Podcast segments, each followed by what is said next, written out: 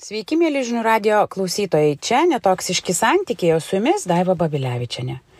Ir šiandien apie santykio su savimi svarbą.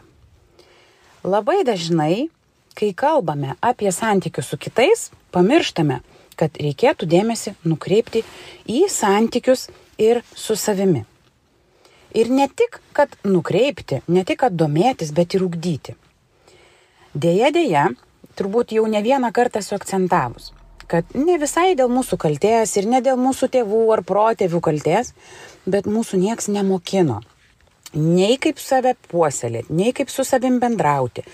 Galbūt netgi sakyčiau, tik paskutinis porą dešimtmečių iš viso pradėta vystyti tą temą, kad reikia žinoti savo stipresias pusės, e, ugdyti savo savybės, tam tikras gebėjimus, o juk tai be galo svarbu tokie dalykai kaip ką aš savo mintise sakau, e, vidinio kritiko įgarsinimas, e, galbūt savo emocinės sveikatos puoselėjimas dažniausiai nuguldavo į antrą, trečią, gal net penktą vietą.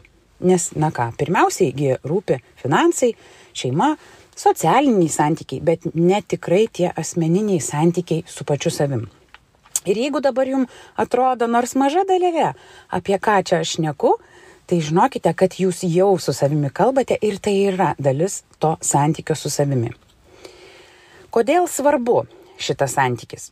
Todėl, kad kai mes teikiame pirmenybę santykiui su savimi, o tai tikrai yra ne apie egoistiškumą ir savanaudiškumą, tai yra labiau atkreipimą dėmesį į tai, kaip aš su savimi būnu, visa kita tarytum nugulai teisingas vietas. Pirmiausiai tai, kas nutinka, kad mes sukūrėme tikrą pasitikėjimą savimi ir tuo, kas esame pasiruošėme tvirtą pagrindą teigiamoms patirtims. Antra, mes sukūrėm tvirtą pamatą sveigiems ir saugiems santykiams su kitais.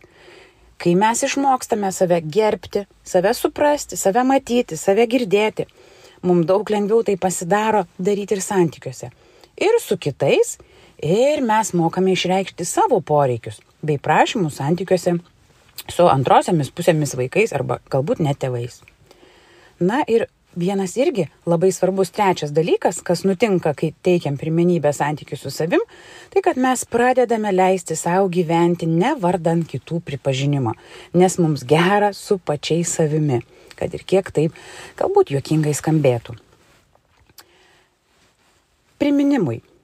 Kaip mes elgiamės su savimi, labai daug nulėmė.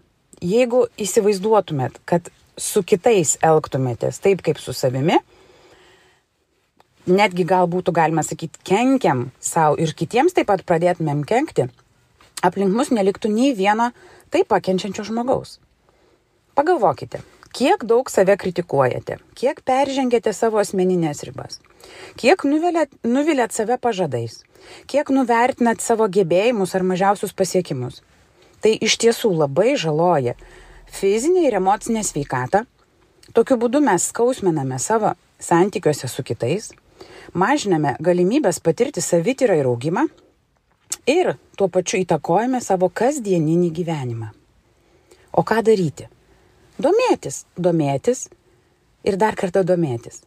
Tada galvoti, kaip aš galiu labiau įvertinti save kaip mažiau kritikuot, galbūt turiu pastebėti savo automatinės mintis, galbūt turiu jas keisti, galbūt turiu išsikelt mažesnius pažadus, kad juos galėčiau pasiekti ir įvykdyti, galbūt galėčiau užsirašyti savo mažiausius gebėjimus ir pasiekimus, galbūt galėčiau mokytis apie asmeninės ribas, galbūt galėčiau nueiti kažkur, praplėsti savo patirtį, galbūt kažką naujo sužinoti apie save toje patirtyje, ko nežinojau, tam, kad mano santykis su savim pasikeistų.